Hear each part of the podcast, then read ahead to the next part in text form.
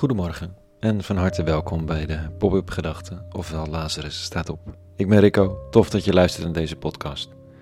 En vandaag hebben we de titel Het is niet goed of het deugt niet.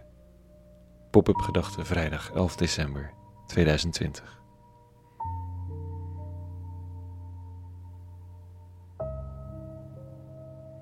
Sommigen zeggen dat het doel de middelen heiligt. Daar heb ik nooit heel erg in geloofd. De middelen horen te kloppen met je doel. Want of je doel haalt, dat is maar de vraag. De middelen die je inzet, die zijn wel binnen je invloed. Dat zijn je eigen keuzes. En die spreken boekdelen.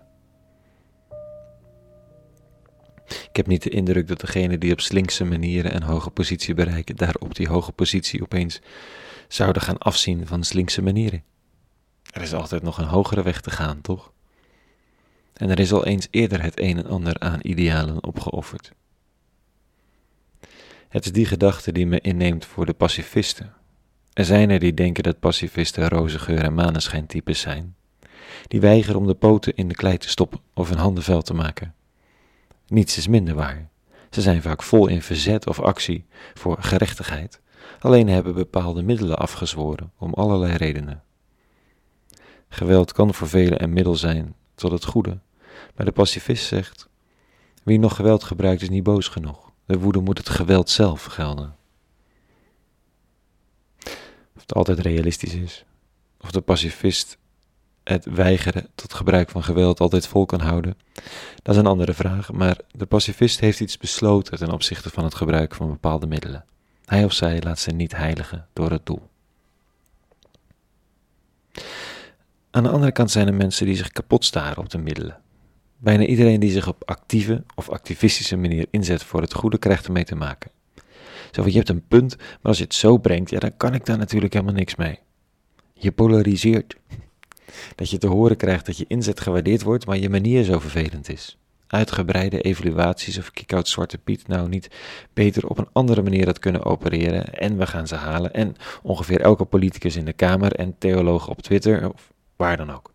Bijna altijd door mensen aan de wal en bijna altijd ongevraagd. Ik bedoel, natuurlijk is er een tijd om de manieren van inzet te evalueren, maar heel veel afstandelijke evaluatie is ook een manier om de boodschap van het lijf te houden.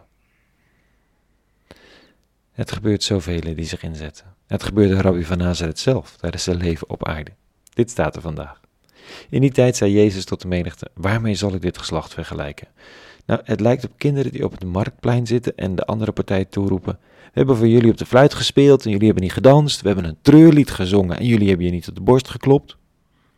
Even voor het beeld: een aantal kinderen komen met ideeën, met spel, maar de andere kinderen vinden het dan, dan wel te vrolijk, hebben geen zin in dansen, dan wel te verdrietig, hebben geen zin om mee te doen met het naspelen van de treurmars. En dan zegt Jezus over hemzelf en zijn heraut, Johannes de Doper: Immers, Johannes die komt, eet niet en drinkt niet. En ze zeggen: hij is van de duivel bezeten. De mensenzoon komt, eet en drinkt wel, en ze zeggen, kijk, die gulzigaard en wijndrinker, die vriend van tollenaars en zonderhuis. Maar de wijsheid vindt haar rechtvaardigheid in haar werken. Ze komen met dezelfde boodschap, de beide mannen, Johannes in de woestijn, die een vooraankondiging doet van de verschijning van de Messias en de Messias zelf. De boodschap is simpel. Jullie zijn de ziel van het verhaal vergeten. Het verhaal dat je hebt meegekregen. Het verhaal van bevrijding, hoop, liefde. Je hebt de macht gegrepen of je comfortabel in het pluche gezet. Terwijl wat jullie outsiders noemen de dupe ervan worden. Het is tijd voor verandering. En Johannes was te ascetisch. Jezus is een gulzigaard. Een vreedzak en zuiplap. Niet het gemiddelde kerkelijke beeld van de man van Nazareth. Maar blijkbaar in zijn tijd wel.